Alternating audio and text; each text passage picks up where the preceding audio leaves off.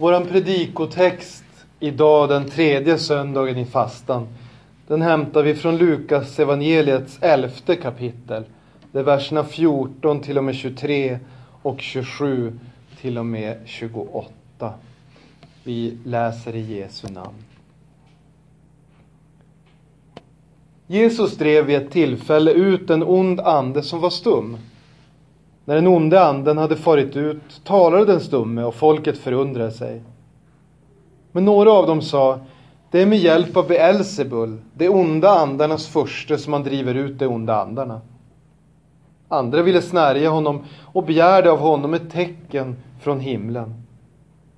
Men han visste vad de tänkte och sa till dem, ett rike som har kommit i strid med sig själv blir ödelagt och hus faller på hus. Om nu Satan har kommit i strid med sig själv, hur kan då hans rike bestå? Ni säger att det är med hjälp av Beelzebul som jag driver ut de onda andarna. Men om det är med hjälp av Beelzebul som jag driver ut de onda andarna, med vems hjälp driver då era söner ut dem? De kommer därför att vara era domare. Men om det är med Guds finger jag driver ut de onda andarna, då har Guds rike kommit till er. När en starke beväpnad vaktar sin gård får hans ägodelar vara i fred. Men kommer det en som är ännu starkare och besegrar honom, då tar den mannen ifrån honom alla vapen som han litade på och fördelar bytet. Den som inte är med mig är emot mig och den som inte samlar med mig, han skingrar. Då Jesus sade detta ropade en kvinna i folkskaran Saligt är det moderliv som har burit dig och saliga det bröst som du har diat. Han sa, säg hellre, saliga är de som lyssnar till Guds ord och bevarar det. Amen. Herre, helga oss i sanningen. Ditt ord är sanning. Amen. Kampen mot ondskan. Kampen mot ondskan, det är ett välkänt tema även i våra dagar. Vi kan se hur många sagor handlar om kampen mellan gott och ont. Både sagor för barn, men även sagor för vuxna. Som Star Wars kanske, som omsätter miljarder kronor. Den här tanken om att det goda och det onda kämpar mot varandra, det verkar vara en uråldrig tanke. Och ibland kan folk som forskar kring sagor fundera, varför är det så? Vart kommer den här tanken ifrån att det goda och det onda kämpar mot varandra? Vi vet vart den tanken kommer ifrån. Den kommer från den sanna kunskapen om att det goda och det onda ständigt ligger i kamp mot varandra. I vår predikotext idag, och även i evangelietexten, får vi höra om hur Jesus kämpar mot onda andar. Vi ser när vi läser Nya Testamentet att de onda andarna verkar ha varit relativt vanliga på Jesu tid. Det är rätt många berättelser som presenterar en människa som är besatt av en ond ande. Ibland någon som har varit det sedan de var barn. Och för många av oss tror jag att det är någonting som känns väldigt främmande. Det är någonting som möter apostlarna även efter Jesu himmelsfärd. Människor som är besatta. Men det är faktiskt också någonting som ibland möter missionärer som predikar evangelium där evangelium knappt har predikats tidigare. Det här med onda andar och besatthet, det är någonting som är något ovanligt och okänt för oss, men inget som historiskt sett har slutat inträffa. En märklig sak med de här onda andarna är att de känner till Jesus. I Lukas fjärde kapitel kan vi läsa om att de säger Vad vill du med oss Jesus från Nasaret? Du är Guds utvalde. De blir rädda och oroliga när de känner igen Guds son. När vi läser om hur onda andar plågar människor, då får vi också se om att kampen mellan gott och ont utkämpas på flera plan. Någonting rätt ovanligt som fysisk besatthet, det är ett sätt på vilket det onda strider mot det goda. Den stumme i dagens text, han blir väldigt hårt ansatt. Den onde anden kastar honom, säger hans pappa, en i elden och en i vattnet för att döda honom. Kampen blir väldigt påtaglig för pappan, för mamman och för alla som känner familjen. De känner sig nog maktlösa inför den här hemska plågan som drabbat barnet. Men oftast så är kampen inte så fysiskt tydlig. Vi kan se till exempel på människor i Bibeln som Petrus. Hur han kämpar mellan å ena sidan sin kärlek till sin frälsare. Han älskar Jesus och vill vara honom trogen. Men å andra sidan sin mänskliga svaghet som gör att han är rädd för att bekänna Jesus där på borggården. Han går en inre kamp. Både mot den yttre ondskan naturligtvis, de som har gripit Jesus och som nu också hotar honom. Är inte du en av hans lärjungar? säger de. Men han går också en match mot sin inre feghet, eller hur? Den här kampen mellan gott och ont, den behöver alla människor gå när man möter frestelser. När vi läser i Jobs bok så ser vi hur det blir en frestelse för Job att hans vänner anklagar honom och säger du som drabbats av sån här olycka och sjukdom, det är klart att det måste vara ett straff från Gud. Tänk nu efter vad du har gjort som är så hemskt och bekänn din synd så kommer allt att bli bra igen. Och Jobb frestas att bli bitter mot Gud. För även om han är en syndare som vi så vet han att det är inget särskilt i hans liv som har lett till den här bestraffningen. Det är ingen bestraffning från Gud och han frestas att ge upp, att anklaga Gud och bli bitter. Hur är det med onda andar idag? Förutom på avlägsna missionsfält. Ja, en sak som jag funderar på, det är inte minst alla unga som intresserar sig för det okulta. För att kontakta andar genom olika ritualer. Många gör det mest på lek. Men en del gör det också på allvar. Kanske har någon av er sett något av alla tv-program där man försöker få kontakt med spöken. Man går med en speciell kamera från rum till rum och så tänker man att man ska hitta spöket och få kontakt med den döde. Jag kan inte säga att man aldrig får kontakt. Men det vi vet är att de får inte kontakt med mormor eller farfar. Utan får de kontakt med en ande så är det en ond ande som vill förleda dem. I Bibeln får vi varningar mot att försöka söka kontakt med andar som har gått bort. Gör inte det. Utan låt dem vila i frid, säger Petrus i första Petri brev. Det är kampen mot de onda andarna. Men kampen mot ondskan, det är också kampen mot den egna onda naturen.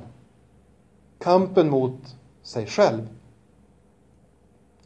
I vår text idag får vi se exempel på tvivlet på Gud och tvivlet på Jesus, hans son. I vår text idag, när Jesus har gjort märkliga kraftgärningar, då säger människor, visa ett tecken från himlen så att vi kan vara säkra på att du är den du påstår dig vara. Visa ett tecken. Det gör de direkt efter att Jesus har visat ett märkligt, mäktigt tecken Inte för att visa sin kraft, utan för att hjälpa en pojke, en familj i nöd. Men den gamla människan inom oss är inte nöjd. Jag vill ha mer, säger den. Idag så säger människor ibland, skulle gärna vilja tro på Gud om han bara bevisade att han fanns för mig. Om han bara grep in i mitt liv på ett praktiskt sätt. Om han bara gjorde som jag vill. Då skulle jag tro på honom. Och då kan man kanske säga, vad sägs om skapelsen? Är inte den ett tecken på att Gud finns? Vad sägs om människokroppens sinnrika konstruktion? Eller det sätt på vilket alla varelser i skapelsen samverkar för att livet ska fortgå? Eller vad sägs om att Guds ord har bevarats ända till denna dag? Ja, ja, säger människan kanske. Men jag vill ha ett annat tecken. Jag vill ha mer. Även den kristne grips ibland av tvivel och då tänker man kanske, luras man kanske att tänka, om Gud älskar mig, då hör han min bön på det sätt och vid den tid som jag har bestämt. Det är lätt att frestas att försöka manipulera Gud. Men kampen mot den onda naturen handlar inte bara om tvivel utan också om förnekelse. När Jesus har gjort ett under och räddat pojken från ett liv med en fruktansvärd plåga.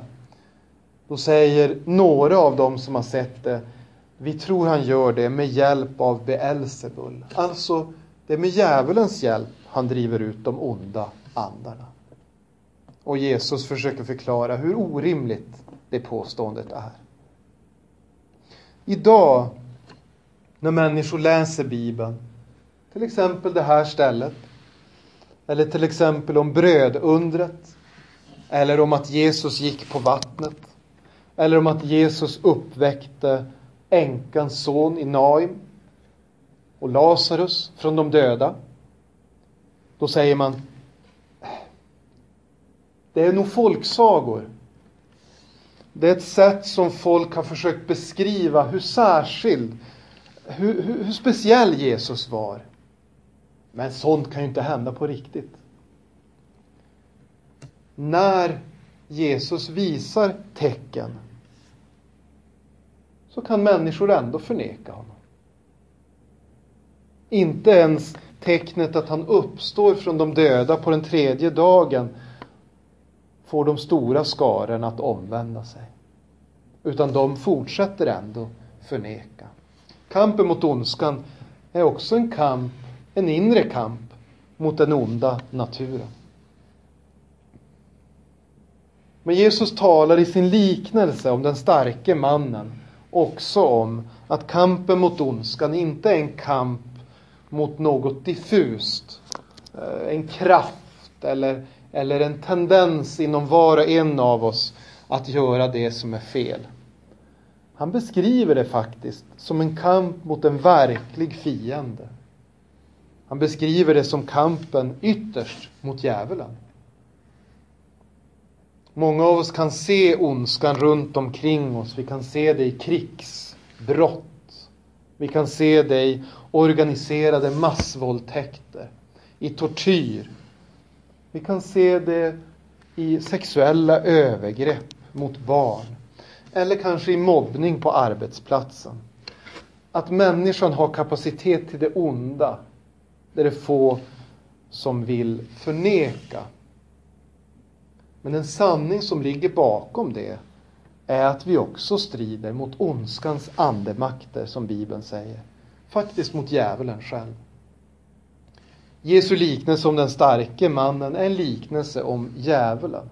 Han säger att när den starke mannen härskar över sitt hus, då ser han till att ingen kommer dit och tar hans ägodelar. När vi säger att djävulen regerar, då gör han ju inte det på ett yttre sätt, utan på ett dolt sätt. Han gör det på en mängd olika sätt som hindrar människor från att komma till tro på Jesus och bli frälsta.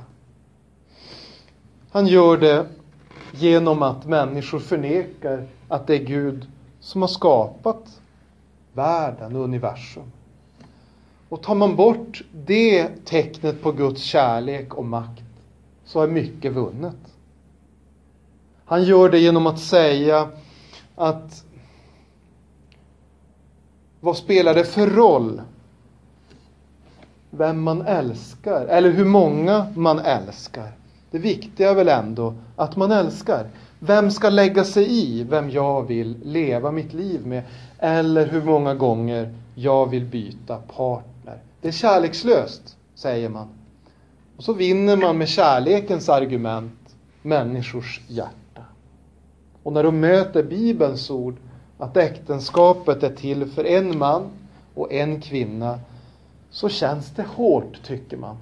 Inskränkt, gammalmodigt. Finns det överhuvudtaget kön, talar man om idag. Och kan vi komma till en punkt där vi inte ens tänker att det finns man och kvinna? Ja, men då är väl Bibelns ord helt förlegade. Vad är ett människoliv värt egentligen? Om vi är bara molekyler. Om vi bara är elektriska signaler från hjärnan till musklerna. Om vi inte har en själ, finns det då verkligen någon anledning att vara skeptisk till abort eller till aktiv dödshjälp för de gamla eller sjuka? Vad är ett människoliv värt om vi bara är ett djur bland andra? Men, säger Jesus, om det kommer en starkare man till den här gården, då besegrar han den starke mannen och fördelar bytet. Jesus är den som är starkare än djävulen. Och han besegrar faktiskt djävulen. Dels gör han det på korset. När han tar alla våra synder på sig. Och dör för våran skull för att vi ska få leva. Då är det den yttersta segern över djävulen. När Jesus uppstår, då blir det tydligt att döden kunde inte hålla honom kvar. Han var den han påstod sig vara. Jesus är Guds son och världens frälsare. Men Jesus besegrar också djävulen i människors hjärtan när de blir omvända. Då bryter han ner alla de tankebyggnader som står i vägen för Guds ord. Allt vårt mänskliga förnuft som inte riktigt vill acceptera Guds ord utan vill säga jag förstår nog det här lite bättre än du, Gud. Jesus besegrar, besegrar allt det. Tidsandan, det vi får lära oss som går emot Guds ord, allting faller när evangelium segrar. Man oroar sig ibland i land som härjas av krig. För att om en despot faller, om en tyrann faller, vad tar över? Det är farligt med maktvakuum, säger man, när olika rebellgrupper börjar strida mot varandra och civilbefolkningen drabbas gång på gång av kringflackande rövarband. Ibland, säger man, är det bättre med en hård och orättvis tyrann som i alla fall håller ordning. Kaos är farligt. Det uppstår inget sånt maktvakuum när Jesus besegrar djävulen. Det finns ingen mellantid där människan står och vacklar och inte står på någon sida. Utan Jesus regerar i deras hjärta. När en människa kommer till tro så kan det fortfarande finnas mycket oklarhet hos den människan. Begränsad kunskap.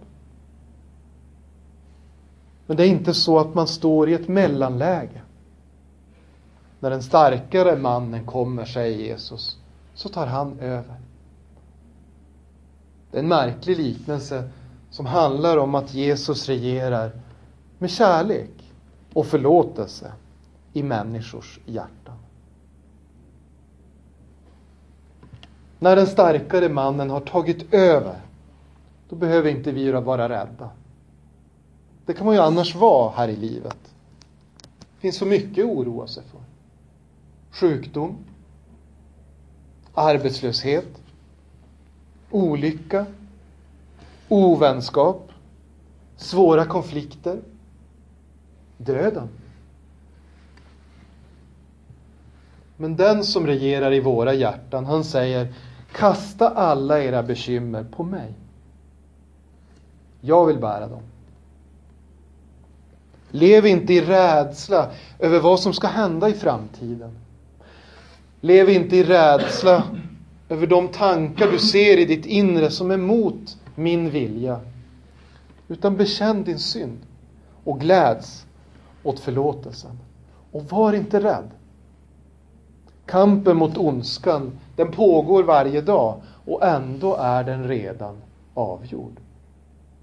Jesus har segrat en gång för alla. Utgången är inte oviss. När vi vet det, när vi vet att det är Jesus som står som segrare, då har vi möjlighet att kämpa den goda kampen. Då har vi möjlighet att kämpa mot ondskan i vårt eget hjärta, runt omkring oss och till och med de andliga ondskefulla makterna. Utan Gud står vi oss slätt, men med Jesus så kan vi inte förlora. Amen. Låt oss be. Käre himmelske Fader. Hjälp oss att komma ihåg att vi ständigt behöver kämpa trons goda kamp. Kampen mot ondskan. Hjälp oss så att vi inte luras att tro att ondskan är någonting som bara finns långt borta i andra människors hjärtan. Utan att vi ser den ondska som finns även i oss. Hjälp oss att komma till dig för förlåtelse och ny kraft att kämpa. Men hjälp oss också att komma ihåg att det endast är med ditt ord och din kraft som vi orkar hålla ut i kampen. Vi tackar för ditt ord och för att du har lovat oss att vi en dag ska få ta emot segerkransen, slutet på kampen, det eviga livet i himmelen. Amen.